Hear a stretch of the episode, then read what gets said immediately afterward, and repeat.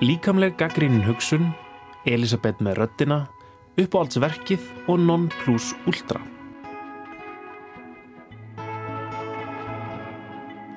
Í vísjáðu dag verður rætt við Sigriði Þorgersdóttur, professor í heimsbyggi, um líkamlega gaggrína hugsun. Sigriður er einn af aðstandendum merkilags rannsóknarverkefnis þar sem er unnið að því að þróa nýjar aðferðir til að kenna og stunda gaggrína hugsun. Aðferðir sem taka inn í myndina nýlegar kenningar og rannsóknir sem varða líkamleika og reynslu hugsun, órjúvanleg tengsl líkama og huga. Hildigunnur Birgisdóttir myndlistakona segir hlustendum frá uppáhalds listaverki sínum og Inga Björk Margreðar Bjarnadóttir myndlistarínir Viðsjár segir frá upplifun sinni af heimsókn á síninguna Non Plus Ultra þar sem Steinun Önnudóttir sínir verk sín í DSL Hafnarhús listasaps Reykjavíkur.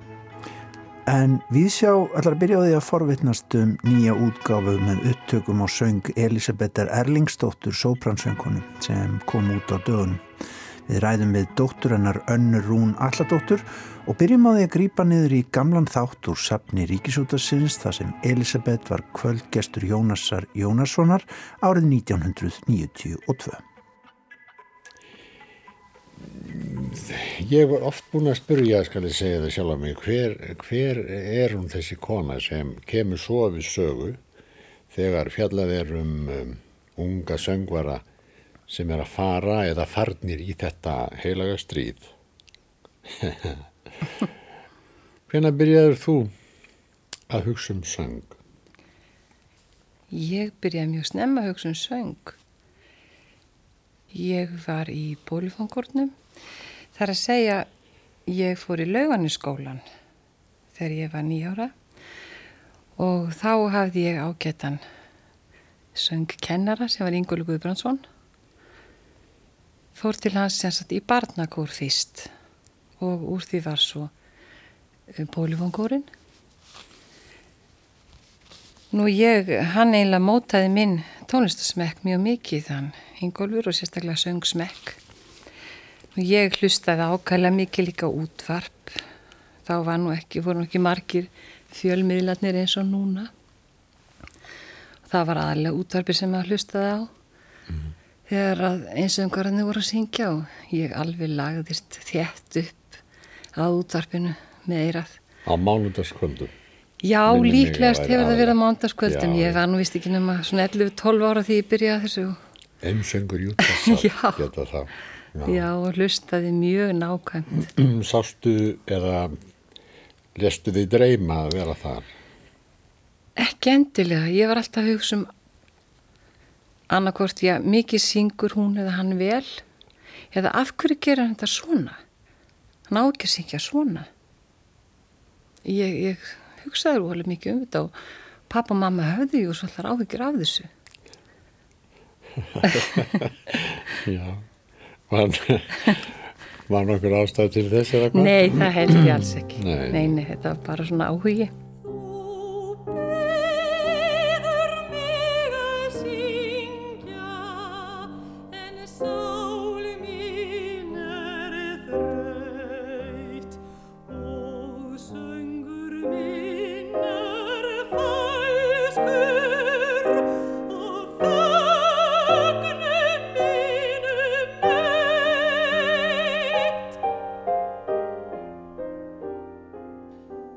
þarna heyrðist rödd Elisabethar Erlingsdóttur sópransöngkonu úr gamlum útastætti það sem að var auðvitað ferðinni Jónas Jónasson með kvöldgesti sína og Elisabeth er einn af þeim gestum.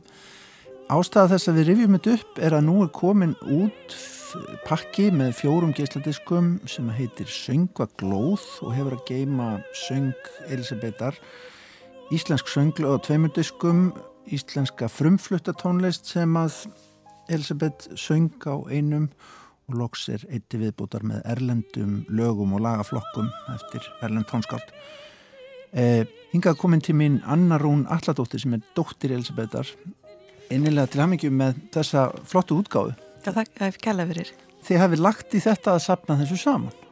Já. Og þótt ástæða til auðvitað. Já, hún var nú eiginlega sjálf byrjuð á því. Já. Þess að þegar hún lest fyrir uh, fimm árun tefnilega þá var hún búin að hlusta og rosalega mikið af upptökum hér í Ríkisútvarpinu sem að Ríkisútvarpinu tók yfir 20 ára tífambil Já. og hún var búin að velja hluta af þessu Já, farin að leggja dröð farin að leggja dröðadiskum, já. Já, já. Þannig að þið klárið þetta, sko, hvernig finnst þér, dótturinni, að, að svona hlusta á þetta? Ég finnst þetta bara frábært. Já. Það tók svolítið á, ég, kannski þessin er svona langt síðan að þetta er búin að taka svolítið tíma að koma þessu út því að fyrsta ári var það bara svolítið erfitt.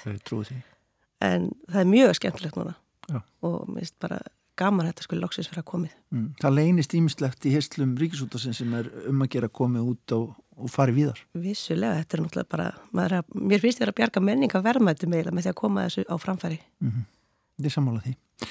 Eitt sem maður rekur augun í, það, það er þessi þriðidiskur með frumfluttum verkum. sem Er náttúrulega, það, það eru þá verk sem að ég hafa oftar en ekki kannski bara verið sérstaklega samin fyrir hana, ekki satt? Vissulega, Og þar er, þar er ímislegt innan um og sama við. já. Og mörg lög sem að maður svo sem þekkir vel eins og síðast í dansin eftir Karl Óttur Runarsson. Einmitt. Það var bara mjög skemmtilegt að hún skildi líka.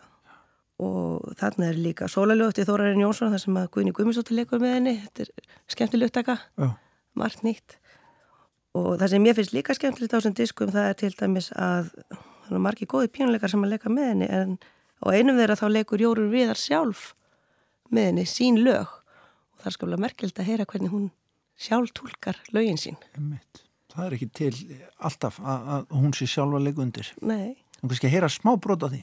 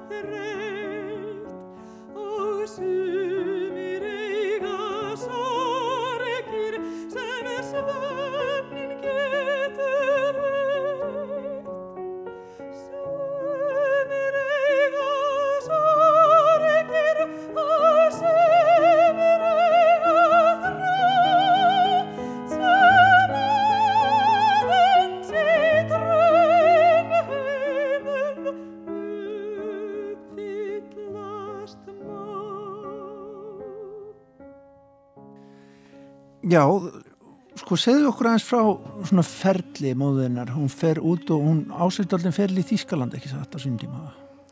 Jú, hún fer út 1962 til München og læri þar í tónlistarakademíni og hún er þar í sex ár. Hún tók mikið þátt í alls konar óperu uppvæslum þegar hún var þar. En svo þegar hún kemur heim að, að þá er nú kannski sönglist hérna sig ung hérna og, og hún, hún byggir upp í rauninni nýja svona söngdeild, byrja við tónskólinni Kópái og þaðan útskrifa hún sin fyrsta nefnda, Ólöfu Kolbrún Haraldóttur, söngkonu. Og það eru Og- svo margi sem hafa lært hjá henni gegnum tíðina. alveg óbáslega margir náttúrulega var með svakalega marga nefndur og hún, það sem er líka merkilegt er hún útskrifaði svo marga sem að urðu söngvarar. Það vildi ekki sem að læri söng og allt gott um það að segja en hún útskrifaði svo marga sem urðu svo professional söngvarar. Það hefur skilað sér vel út í, út í geiran. Já, já. Mér tekur einmitt eftir í, í fítni útgáðu þess að það er stór bæklingu líka með þessum fjórum diskum hérna og þar eru fjölmargir af þessum söngurum sem hún nefnir sem að, nefn, sem að eru með svona eiginlega hálfgerðan vittnisspurð um kennaran. já. Mér finnst það mjög fallegt að sjá það að hérna hvað fólk er, já hefur verið hrifið að henni sem kennara, hún hefur verið lungin kennari. Já, hún líka tók þau svona, hún var svona algjör unga mamma, getur við sagt, hún tók fólk algjörlega að sér sko, Já. ekki bara sem kennari heldur, bara hún var þeirlega eins og mamma er allra. Já, og meira en bara þetta að, skóla aðeins til röddina. Já, óskaplega stort hjarta. Og þetta eru auðvitað fyrir listamenn sem eru á, á svona vilja komast á frambröðina mikilvægt að fá, það er oft þessi sál gæsla sem það þarf til, ekki satt. Nákvæmlega, andlegu stuðningur alla leið. En þetta er heilmikið safn, eigum við að heyra annað brotur þessu viðtali, það sem að hérna, Jónas er að tala við móðina um það þegar hún fór í fyrsta tíman sinn út í munhjön. En uh, söngkennarinn sem Sigurður Björnsson að þér, hvenær hittur þú hann svo? Ég hitti hann nefnilega morgun eftir að ég kom til München. Og ég var mjög þreytt eftir allt þetta ferðalag. Og náttúrulega eftirvæntingin alveg óskapleg. Eh, Ég man að Sigurður hann fór með mig í fyrsta tíman til hans. Kennarin hétt professor Hanno Blaske á Pólveri. Nú það fyrsta náttúrulega sem maðurinn segir þegar hann er búin að bjóða okkur hann að kaffisopa, hvort vil ekki syngja fyrir sig. Jú, jú, ég, ég geri það. Til þess varstu komið. Til þess var ég komin og uh, ég tók þarna upp úr töskunni. Gamla antikari eftir Bergulis í minni mig. Og uh, hann sesti pianoð, ég byrja að syngja. Í miðju lægi þá finn ég að tárin trítla nöðkinarnar og bara eftirvæntingin var svona mikil og, og spennan að ferðalæginu að ég bara fór að hágráta Og spennufalli miðurlagi. spennu falli miðju lægi Já, já og hvað?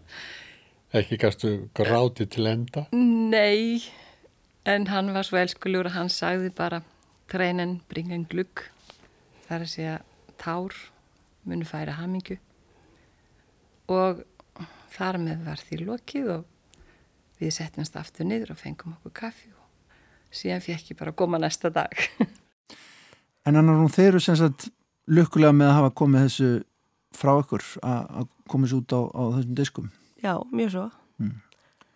og það er, hún er, hefur greinlega verið fanta söngkona Hún var, hún var mjög góð söngkona, já, ég held að það sé. Ég held geti alveg sagt það. Var hún ekki kölluð Elisabeth með röddina eða eitthvað hann? Elisabeth með röddina, þetta er viðnefni sem hún fekk í mentaskóla. Já, og helst bara og bara helst svolítið við hana viðlóðandi Já. reynd. Já. Þetta hefur verið hennar hérna, eðalsmerki. Já, Eigum við að fána til að syngja fyrir okkur eitt loka lag?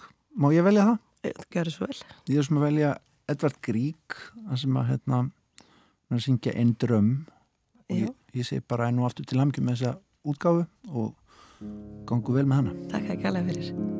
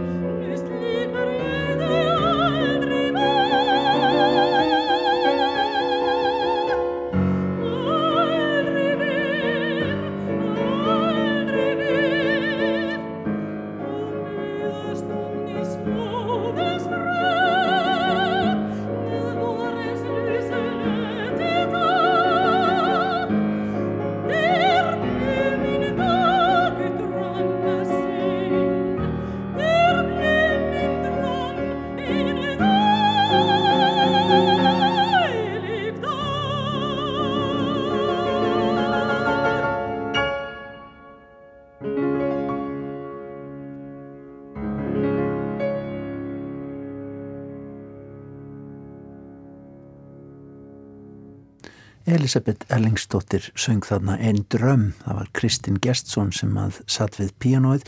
Þetta er stúdíóupptaka frá árunni 1972 sem núna er komin út í geisladiska settinu nýja sem við rættum um þarna rétt áðan.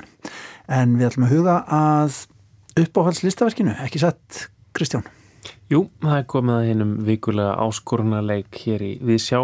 Í síðustu viku var það Birgir Sigursson, rafverki, myndlistamæður og galleri eigandi sem sæði frá sínu uppáhaldslistaverki og svo skoraði hann á vinkonu sína Hildigunni Birgistóttur, myndlistakonu, að segja frá sínu uppáhaldsverki. Og Hildigunnur, hún kom hérna áðan og sæði frá. Það er náttúrulega skelvilegt að fá þessa spurningu og, og ég er samt mjög þakklátt byrgi að fara að benda mig að því það er alltaf holdt að líta tilbaka og, og velta fyrir sér sérstaklega þegar maður starfar við þetta að bara hvað, hvað af hverju byrjaði þetta eða af hverju, af hverju er ég í þessu fæi hvað er það við þetta fag sem að, að heillar mann? Og við, ég er sem sagt myndlistamæður og ég fór að sjálfsögðu bara að hugsa svona tilbaka og hvað, hvað verk hafa svona virkilega hreift við mér. Um, og Um, ég held að Birgir hafi sett tónin með því að vera með hálfgerða vörður.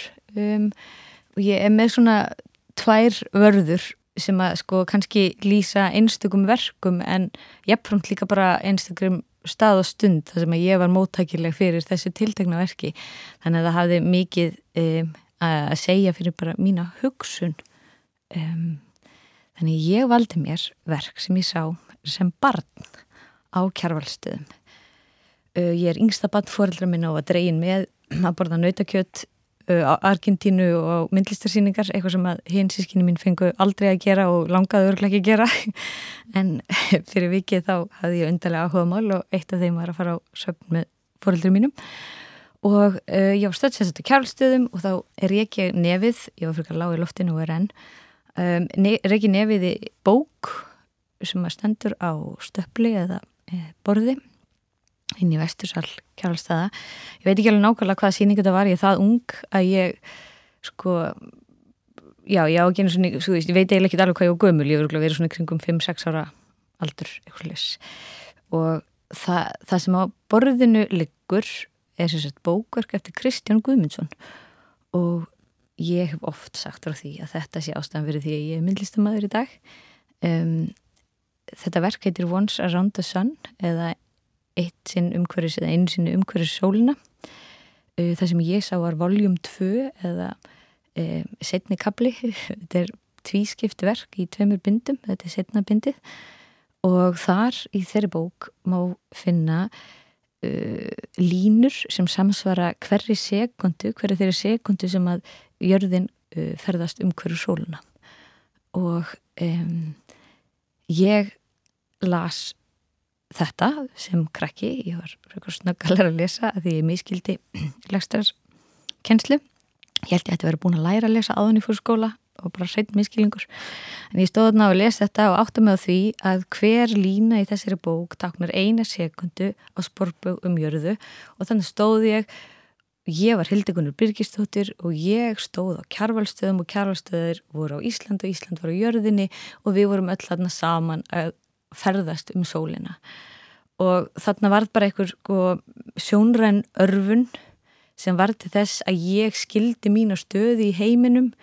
Uh, ég var hluta af verkinu, ég hafði ofta dáðsta verkum áður, ég hafði farið með sín, á síningu með fólkið mínum á Mýro og það sem ég áttaði með því að fagurfræði væri allt eins það sem ég var að gera heima um mér. Ekki bara eitthvað sem einhver hefði hérna ákveðið í, á einhverju safni að, uh, og, en þetta verk virkilega tók mig með inn í, inn í upplöfuna, þannig að ég var allt í hennu einhvers vísari, ég var hlutaverkinu og ég var uh, í einhverju samhengi og sá heiminn frá uh, nýju sjónarhóttni og þannig bara klikkaði eitthvað haustum á mér. Og það er alveg þetta tala um, þú veist, þetta er koncertlega séð bara mjög fallegt verk og fagurfræðilega mjög fallegt og ég áttaði mér líka því að fagurfræði liggur ekki bara í því sem þú sérð, heldur líka það sem þú skilur sem hefur verið með mér bara allar til síðan. En þá gerist líka eitthvað svona hérna hýrarkíu ruggl þar sem að ég áttaði mig á því að mínar hugsanir og mínar skoðanir hefðu eitthvað gildi uh, og þar leðandi allra veist, ekki það að ég væri svona merkilega að upp, upplefa þetta verk heldur bara þetta verkbauð einhvern veginn upp á það að þú verður þáttangandæði og á samanskapi er þetta uh, einlill bók á borði. Þetta er ekki allt um liggjandi þryggjar ása vídeoinsetning heldur bara bók á borði og þetta hefur bara heitlað mér allar síðan og, og síðan hafa komið mörg verk sem gera þetta fyrir mig og þetta er ástæðan fyrir ég held alltaf áfram að skoða síningar og er spenntið við myndlist sérstaklega annara en líka minni. Ég er alltaf að reyna að miðla einhverju svona þar sem þú lappar út af síningu og ert einhvers vísari. Og stundum er ekki hægt að færa það í orð. Þannig að ég fært það í orð. Stundum er það einhvern veginn bara eitthvað svona tilfinning um það að til sé blár eða eitthvað.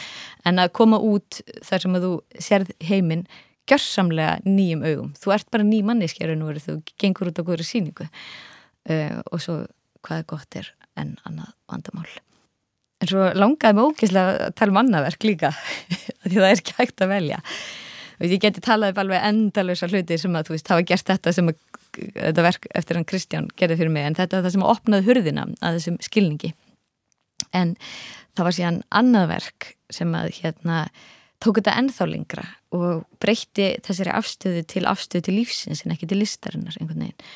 Og ferði listina inn í lífið mitt. Þetta hljómar sér trúalega upplöfun það er hérna bók sem að Birgir Andersson gaf út um, um vinsum Helga frá Grund. Uh, hann kynst honum á blindraheimilinu ég er svona alin upp á hluti til að blindraheimilinu líka. Bróðurinn og mömmu bjóð þar, þannig ég hef alltaf tengt svo mikið við þessa fórtíðans byrgis og, og þekki hamraliðina mjög vel eða blindraheimilið þar að segja. Þetta verk er raun og veru ekki eftir byrgi heldur hann að segja svona sögur af Helga. Þannig að bókverkið sem slíkt er eftir byrgi, hann tekur saman hann að sögur um, sem að hérna, hann segir af, af Helga sem er þessi vinur hans um, sem hann ólst upp með þarna á blindraheimilinu og Helgi hafði orðið fyrir voðaskoti sem ungum maður og blindur á öðru auga og, og hafði síðan, síðan hafði sjóninni rakað og hann sá ansi illa. Og það eru alls konar ótrúlega sögur um hvað þeir voru að betrífa en uppáhaldsaga mín er þessar bók er lýsir raun og verið listaverki eftir Helga. Á ég, má ég lesa þetta? Já, endilega. Um, sem sagt, um, mamma og pappi voru ekki heima einn daginn þegar ég kom úr skólanum Ég fór til Helga en hann var fram í eldhúsi. Hann stóði eldavilna og var að hræra í einhverju kvítu gumsi í kastarólu. Ertu svongur? Já, ég er svongur. Eftir að hafa klárað á kastarólunni spurði ég hvað þetta væri sem ég hef verið að geta. Þetta var bjúubiti, endi af jólaköku, svo litið vatn og toppís. Þetta var eftir mig, saði Helgi.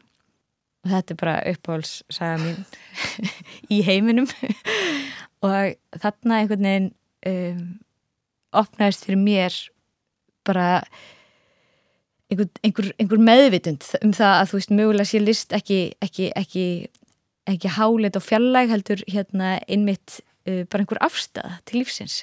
Og, og mér finnst Helgi vera óbæðsluður listamæður og mér finnst þetta verk vera rosa stert þú veit ekki, þið valla sagt það í orð af hverju það er svona stert En Hildi Gunnur, þú, ég baði líka um að skora á einhvern annan til þess að segja frá sínu uppáhalds listaverki. Já, Hvers langaði að skora á? sko uh, undir engum þrýstingi ætla ég skora á einhvern annan uh, einhvern, einhvern sem er ekki myndlistamæður en það er líka bara, það er svo holt, holt að heyra frá einhverjum öðrum heldur en sem einhverjum sem er hérna fastur inn í þessu feni myndlistarinnar að mér langaði að skora á ég er ekki eins og búin að minnast á þetta við þessa mannesku hún verður bara að koma, þetta verður koma svo þrjum úr heiðskýru Uh, mér langaði að skora á hana Kristínu Geirsdóttur sem er bókasafnsfræðingur og list unnandi. Mjög gott. Um, má ég kannski hérna spurja þig um eitt algjörlega ótengt. Já. Hérna, eh, það var að berast tilkynning frá Sequences listaháttíðinni og verið að tilkynna að þú og Ingólfur Arnarsson eruðu listræðinu stjórnendur háttíðarnar sem að fer fram núna í oktober. Er það komið í fullan gang? Er, er þið byrjuð að vinna að því? Já, við erum bara alveg á, á haus og stefnum á að vera komin með svona eiginlega allt, nánast allt niður nelt nema það sem óvænt er uh, bara miðja mæ held ég. Þannig að við erum bara búin að vera að vinna baku tjöldin eins og brjálæðingar. Og er komið eitthvað svona þema eða eitthvað svo leiðis? Einhver, er einhver svona- þræðir sem að... Við höfum svona kannski talað um það uh, að við, um, við erum ekki sérfræðingar í, sko við erum hvort okkur náttúrulega síningastjórar, við erum bara myndlistamenn sem höfum áhuga myndlist og hérna við erum ekki sér fróð í miðlum eða tækni, heldur meira bara höfum áhuga og við báðum, báðum um smá undan þáu frá kannski þeirra áherslu sem eh, oft hefur verið á, á tímatingda miðla. Þannig að við tökum kannski eitthvað aðeins öðru í sig nálgun á, á hlutina og kannski bara veltum fyrir okkur eins og holdt er að gera uh, hvað sé tími og hvað sé hérna raunveruleiki en, en þetta er svona raun, raun tíma um, festival einmitt, einmitt. En öðru leiti bara háttíðin með svipuðu sniði og undanfærin ár. Já, já, svipuðu sniði kannski hérna mm, gerlegri að, að einhverju leiti sko, dásamlegar háttíði sem að, að undan hafa farið en við yngolurum bæðir svona uh, fyllumst svona afkoma óta þegar að, hérna, það er of stíft prógram þannig að við ímyndum okkur að það geti ein manneska á einni tímalínu ferðast í gegnum alla viðbyrði uh, hátíðarinnar. Mitt. Hildigunir, takk kærlega fyrir að segja frá þínu uppáhaldslistaverki. Takk. Who loves the sun? Who cares that it makes plants grow? Who cares what it does since you broke my heart? Who loves the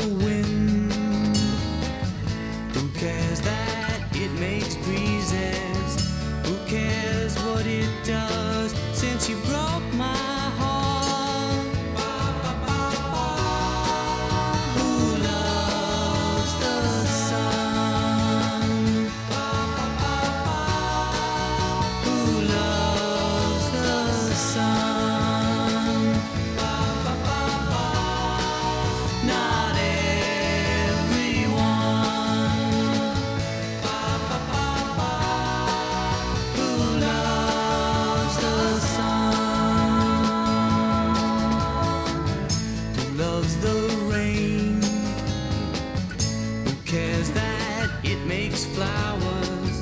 Who cares that it makes showers since you broke my heart?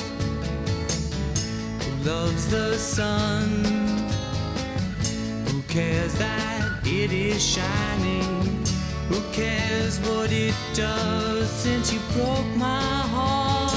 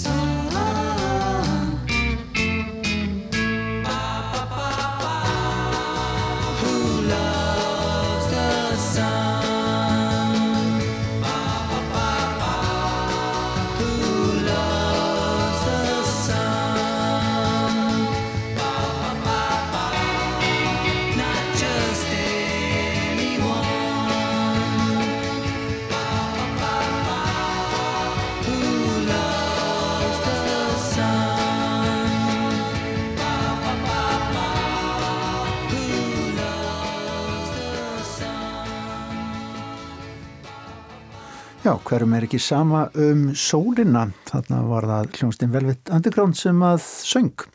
Okkur er ekki alveg sama um sólina, það Kristján?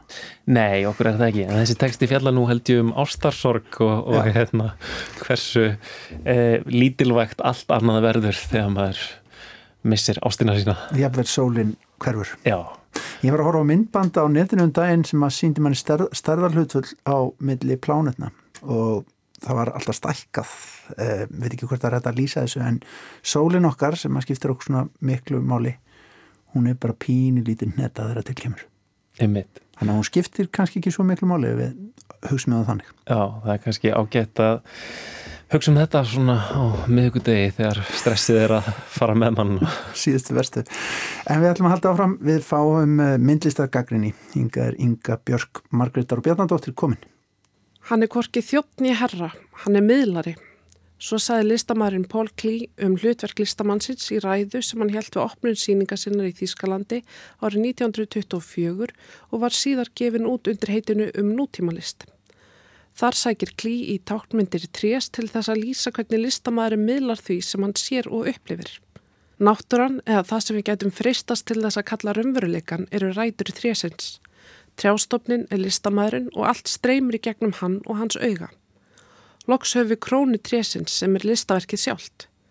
Klís segir að engin ætlist til þess að ræturnar og króna trésins séu speilmynd hvors annars heldur taki listamæðurinn við því sem hann skinjar og miðlar áfram. Hann er hvorki herran í þjótt heldur miðlari. Þó megin intak klí hafi verið til varnar abstraktlistinni að skýra út fyrir samferðamennum sínum óhlutbundna list þá byrtast áhugaverði punktar um málverkið og það sem það leggur til, raunveruleikan og sannleiksgildið.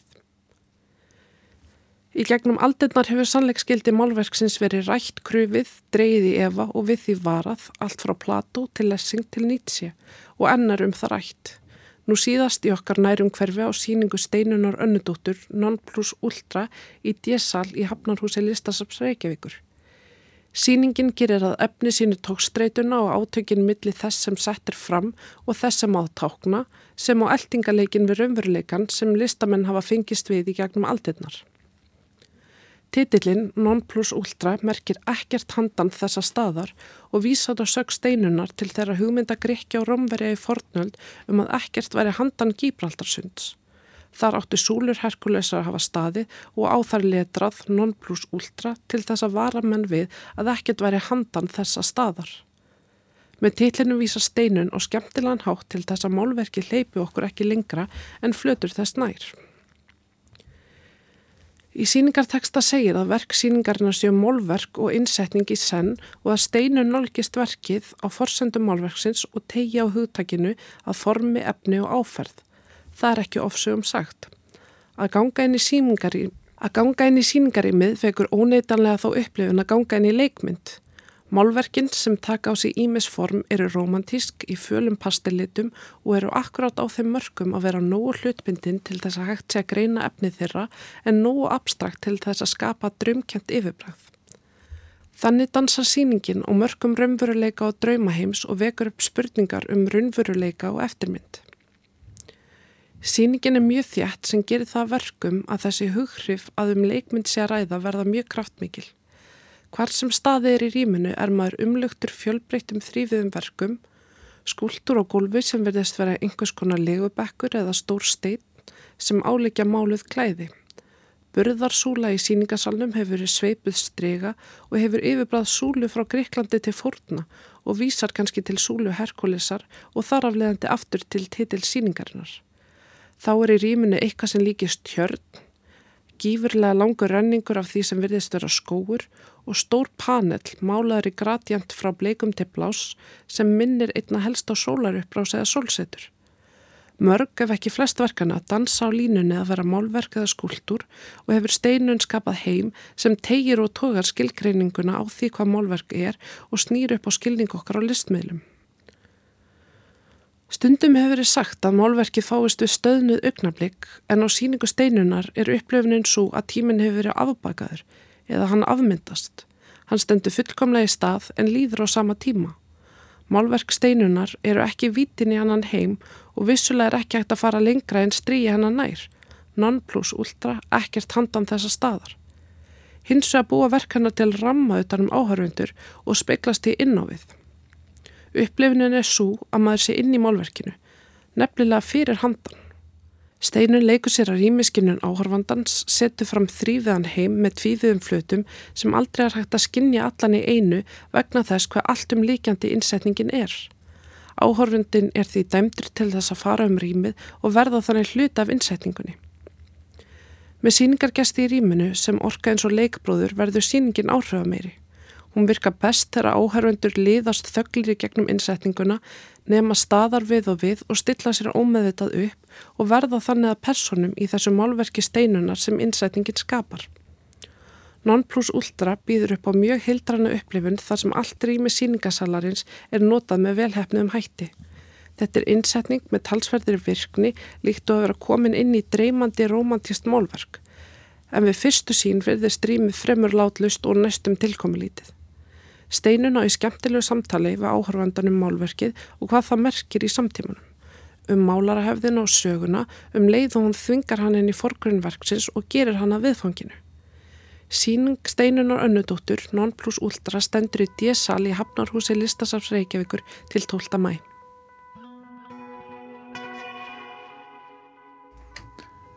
Saði Inga Björk, Margreðar og Bjarnadóttir. Hún verður hér aftur á ferðinni vonbráðar með meiri myndlistagagrinni á samt hinu myndlistagagrinni en þannig okkar starkari segurðarsinni.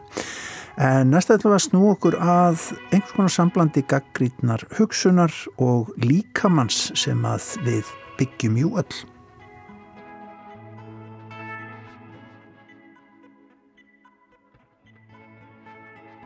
Hingaði komin Sigriður Þorgerstóttir, professor í heimsbyggi við Háskóla Íslands. Sigriður, þú ert að taka þátt í þessu verkefni líkamleg gaggrínin hugsun eða líkamnuð gaggrínin hugsun. Um, gaggrínin hugsun hefur verið svona hugtak og, og það hefur mikil umræða í íslenskri heimsbyggi hefð um, um gaggrínu hugsun, hvað hún er, hvort það sé hægt að kenna hana og svo leiðis. En þið bætið þarna við líkamannum og, og eru með þetta stóra rannsóknarverkefni um líkamlega gaggrínu hugsun. Hvað Hvað er í gangi? Já, hugsa um höndunum. Nei, hérna, já það vona og spyrjir. Þetta hljómar svolítið eins og þetta sé mótsögn að hugurinn sé eitt og líka minn sé annað. En uh, nýri rannsóknir sína okkur að þetta virkar saman og að tilfinningar og hugsun og kendir og allt er hérna samtengt. Og bara nýri rannsóknir í svona hugarfræðum og vitsmunavísindum og bara taugalífeðlisfræði sína þetta og við erum bara að taka mið af þessum rannsóknum og vinnum annars, meðal annars með vísindamönnum á þessu sviði.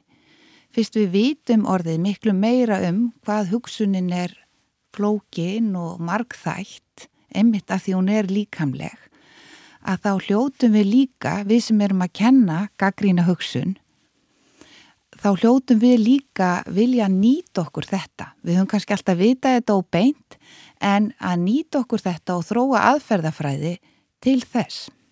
Já þannig að þið eru í rauninni að þróa aðferðir, reyna að finna aðferðir, hvernig er hægt að taka já, líka mann með, með inn í það hvernig við hugsum þegar við erum að hugsa heimsbyggilega. Já, kannski gott bara að byrja á einhverju smá sögum. Hérna, ég er nú búin að vera að kenna heimsbyggi lengi, næstu í 30 ár og bara mér hef séð tvent gerast grófum dráttum. Annars vegar þá kemur fólk inn í heimsbyggi af miklum persónlegum áhuga og löngun til að hugsa sjálft. Svo byrjum við að kenna þeim og kenna þeim raukfræð og alls konar aðferðir til að hugsa gaggrínið. Og þá er stundum eins og það sljáki í fólki þó að hafi brennandi áhuga á þessu fæi sem er heimsbyggi og því finnst næstu eins og það get ekki hugsa sjálft og verði svona hálf hrætt og, og hérna finnist eins og það þurfi bara að læra einhverjar ákveðnar leiðir til að hugsa og svona missi sitt frelsi og sína sköpun í hugsun. Svo önnur saga, það kom til mín nefandi og sagði að hann hefði, þegar hann byrjaði heimsbyggi, að það hafði hann átt tal við eldri nema sem spurði hann, hversin erstu koni heimsbyggi? Og þá hann svarað, mér langar að læra að hugsa sjálfur. Og þá hafði sá hinn sami svarað, þú getur ekki að hugsa sjálfur, það er búið að hugsa allt sem er mikilvægt nú þegar. Og ég held að þetta lýs ekki bara kannski einhverju svona uppgjafa viðþorfi eða einhverju bölsíni, heldur held ég þetta eigi líka víðar við að við búum á tímum upplýsingaflæðis og, og við erum útsett miklu áreiti þannig að svona við eigum erfitt með að melda og það þarf alltaf að gerast svo hratt og ég held að við þurfum einmitt þá að leita leiða til að fara svolítið inn á við, hæja á okkur og verða svolítið byrjendur á nýjanleik. Að því maður sér þetta líki í vísindum og fræðum. Að maður horfur á vísindamenn stundum á þingum eða vera að tala saman og þá er eins og þeir varpi sko á milli sín einhverjum hugtaka boltum eða einhverjum frösum. Og stundum held ég bara og okkur líði þannig eins og við getum ekki lengur hugsa sjálf. Og þessar nýju rannsóknir sem við erum að byggja á að þær sína að við þurfum bara aðeins að fara dýbra í hugsun til að ná að tengja við eitthvað dýbra í sjálfum okkur. Og við kvöllum þetta kvarfið að reynslunni. Að allir eiga reynslu innistæðu sem þeir geta nýtt sér við hugsun sína. Og við það að tengja við eigin reynslu hvort sem hún tengist beint eða óbeint því sem við erum að hugsa um sem getur verið eitthvað heimsbyggilegt álitamál að þá erum við komið með innistæðu sem við getum nýtt okkur til þess að hugsa sjálf og til þess að vera meira skapandi í hugsun. Og við sem erum heimsbyggi kennarar við eigum einmitt að kenna fólki að hugsa sjálft að treysta á það sem það hugsar og sko öðlast svona sjálfströst í hugsun Getur þú nefnt dæmi um bara svona einhverja aðferði eða æfingu hvernig, hvernig fer þetta fram? Hvernig fer þetta fram öðri sér heldur en bara um, þeir sem að hafa farið í skóla þekkja? Það er svolítið erfitt að lýsa þessu þegar maður hefur ekki prófað þetta en kannski byrja maður, veist, það er til einfaldar æfingar bara til aðeins að hæja á fólki. Það er til einfaldar æfingar til dæmis að kenna fólki að hlusta, svona virka hlustun, það er einleið e, að því að þegar þú lærir að hlusta á annan kannski nefnanda, þá ertu bara að hlusta og þá heyrur þú sjálfan þig hlusta og þá heyrur, ha, það er einhver hann inn í mér sem ég get líka hlusta á, sem er að hugsa eitthvað og langar að koma að stað og verður að halda eftir að sér. Eða það er hægt að tala um ákveðin hugtök og orðvið nefnendur og aðtóa hvaða tilfinningu þau hafa fyrir þeim og hvaða hugmyndir eða myndir komu upp. Þannig að byrja á einhverju svona og hérna það getur bara verið dæmi. En þeir eru svona kannski ekki að segja að, hvað ég var að segja, það er svona tilfinningar sem að einmitt maður finnur þegar maður heyrir einhverja umræðu eða, eða rauksendi eða eitthvað svo leiðis að, að þær séu endilega réttar bara því að maður er með það einhvern veginn í líkamannum það er, maður á kannski ekki endilega bara eða, eða hvað, á maður, á maður að grípa þessa forduma og bara taka það sem gilda Ég held nefnilega einmitt að það er sko það vitsmjönulegt intak í tilfinningum alveg eins og það er tilfinningarleg hlæðsla í hugsunum og tilfinningar þurfa ekki að vera réttar eða rángar en hugsanir. Ég held einmitt ef við tengjum betur við þær í hugsun okkar að þá endur metum við þær oft. Til dæmis ef við finnum fyrir einhverju snöggri reyði eða eitthvað svo leiðis, ef einhver segir eitthvað, þá er gott að tengjast tilfinninguna aðeins að hæja á sér kannski. Og ef maður aðeins finnur til með tilfinningunni og finnur aðeins til með sjálfrið sér, að þá fer maður oft kannski einhver dýbri mið það sem eitthvað annað býr undir tilfinningunni, kannski einhver sárindi eða einhver tilfinninga hafi ekki verið hlustað á mann eða eitthvað og, og kemst maður dýbra mm -hmm. og þá tekst mann að sjá eitthvað annað í tilfinningunni heldur en virðist verðar á yfirborðinu. Þannig að með því að stunda svona einhverja hálfgerða sjálfskoðun og, og sama tíma og maður er að hugsa þá kemst maður lengra í hugsuninni. Um leið og orði skoðun er kannski svolítið svona sjónrænt. Um, þessir höfundar sem við höfum verið að kanna að þeir eru í rauninni bara að benda okkur á að huga að reynslunni sem er fólkin í því að hugsa, að tengja betur við hana. Og um, þetta er svolítið að staldra við. Og höfundar hafa sem hafa, er að rannsaka þetta eins og til dæmis eitt sem heitir Eugene Gendlin hann talar um hugtak sem heitir felt sense á ennsku og kannski er það tilfinning fyrir merkingu.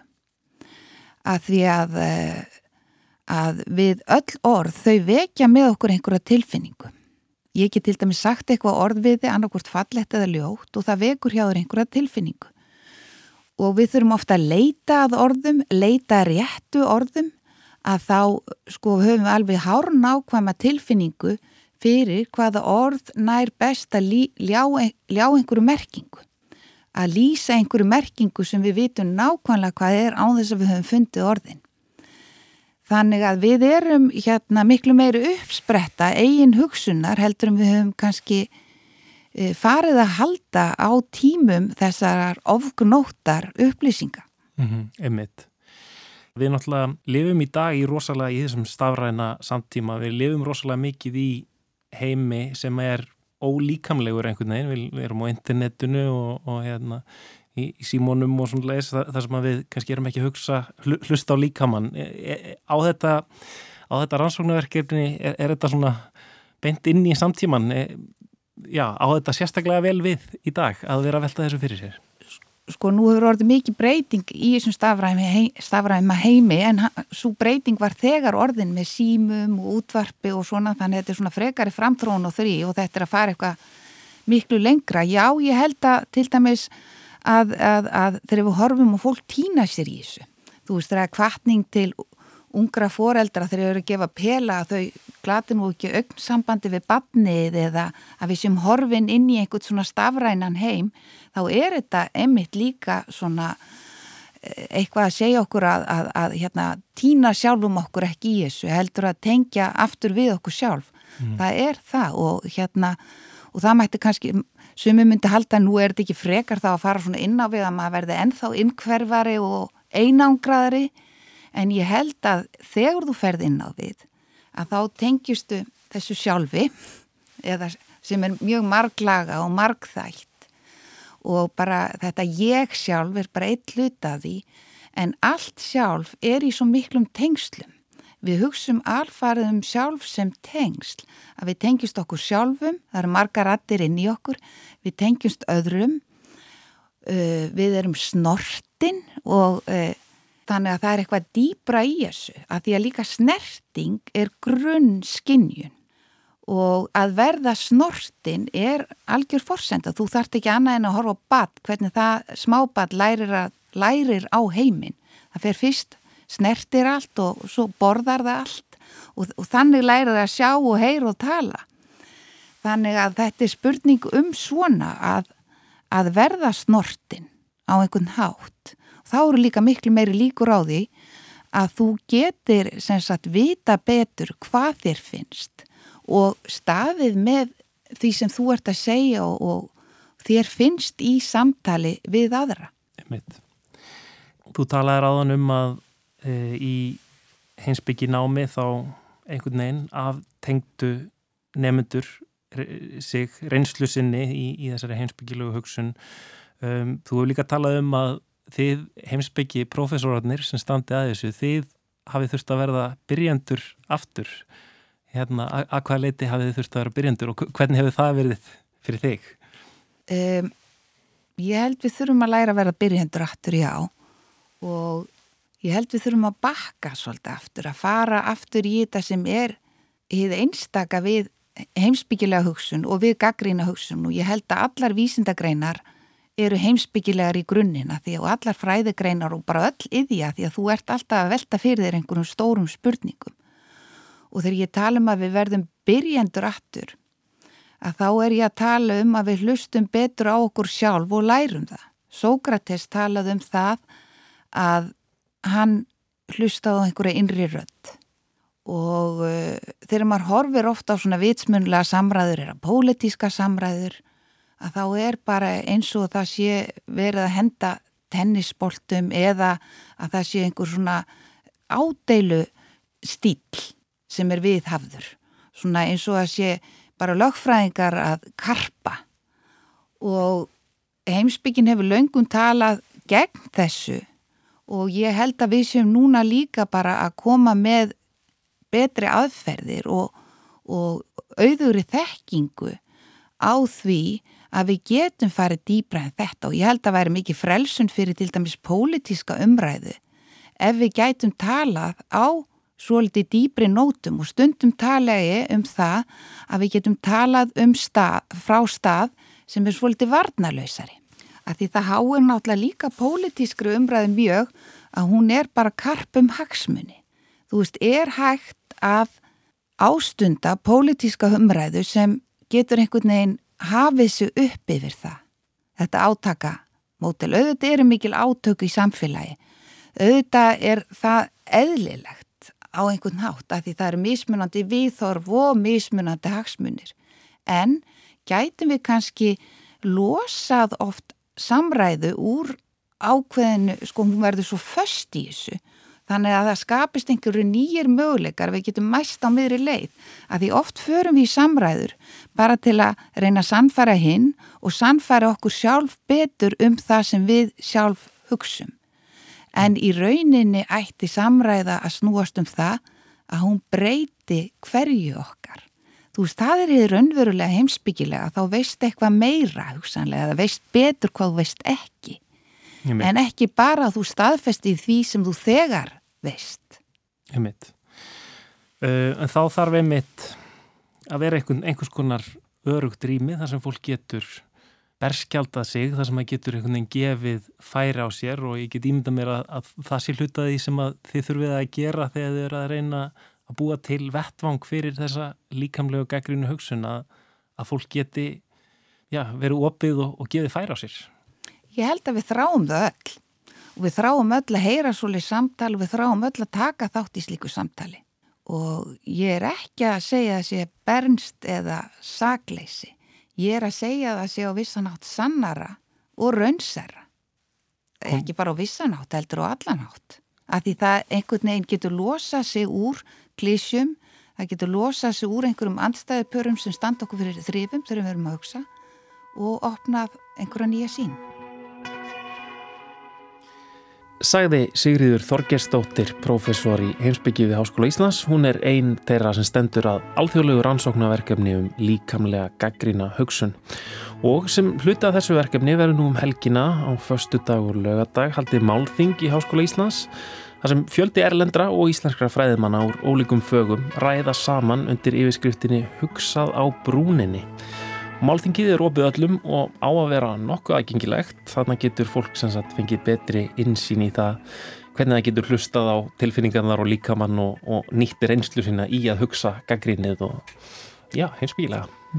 Það er öllum holdt og gott og við auðvitað hlustum á okkar tilfinningar og á tilfinningar hlustanda vonum að þær séu sem best ræktaðar og í sem bestum balans. Já, þetta ekki. Jú, segjum það í dag og þökkum fyrir okkur og fyrir samfellina. Verðið sæl.